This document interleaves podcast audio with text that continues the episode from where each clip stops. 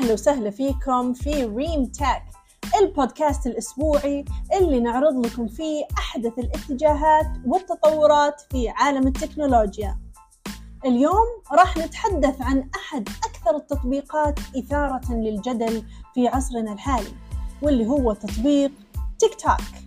تحديدا راح نستكشف المعركة اللي حاصلة بين الخصوصية والأرباح واللي أدت إلى حظر التطبيق في العديد من البلدان. خلونا نبدأ.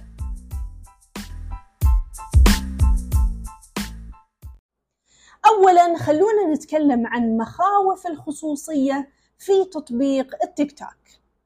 خضعت ممارسات جمع البيانات في التطبيق لتدقيق مكثف حيث حذر الخبراء من المخاطر المحتملة على خصوصية المستخدم وأمنه.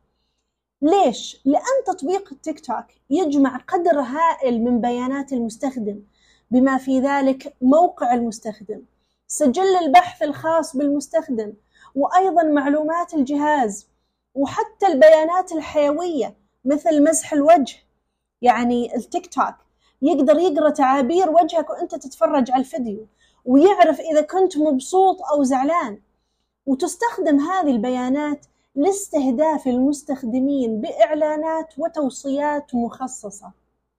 ولكن هذه البيانات تثير مخاوف بشأن إساءة الاستخدام المحتملة للمعلومات الحساسة.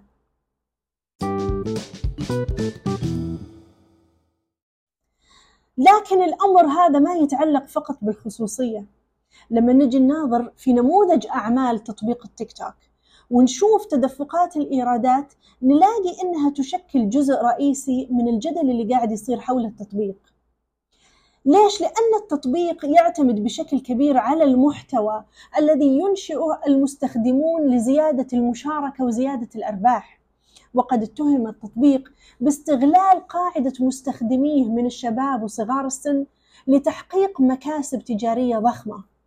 أيضا نظام تيك توك للمشتريات داخل التطبيق ونظام الهدايا الحية الذي يسمح للمستخدمين بشراء الهدايا الافتراضية وإرسالها إلى المبدعين أو اللي نسميهم المؤثرين تعرض هذا النظام لانتقادات شديدة بسبب قدرته على تمكين السلوك المفترس والاستغلال المادي.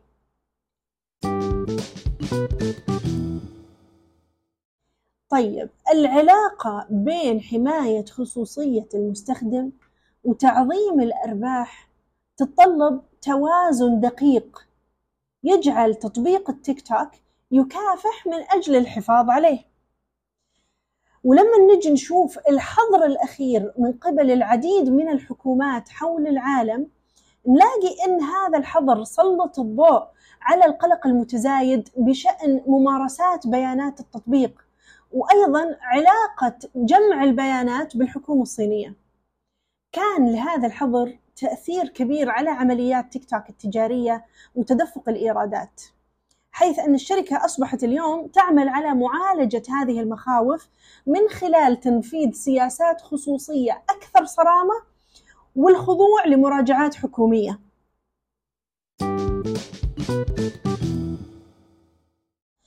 لكن يا ترى هل هذه الحلول البديلة كافية لمعالجة المشكلات الأساسية اللي جاية مع تطبيق التيك توك؟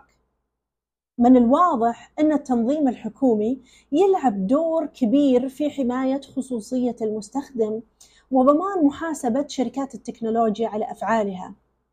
لكن بالرغم من ذلك الأمر متروك لنا إحنا كمستخدمين فرديين نقدر نتحكم في بياناتنا الخاصة ولازم إن إحنا كمستخدمين فرديين نكون على دراية بالمخاطر المرتبطة بمشاركة معلوماتنا الشخصية على منصات التواصل الاجتماعي.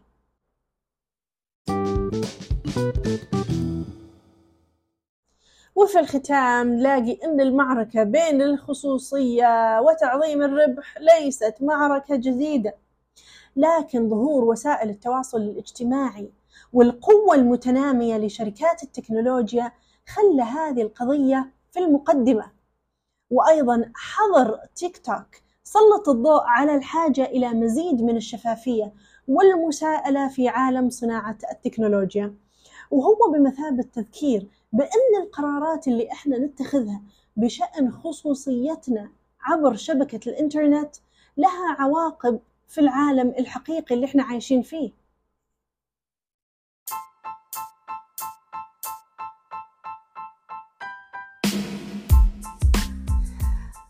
وفي النهاية نشكر لكم حسن استماعكم. كانت معكم دكتورة ريم. نشوفكم المرة القادمة.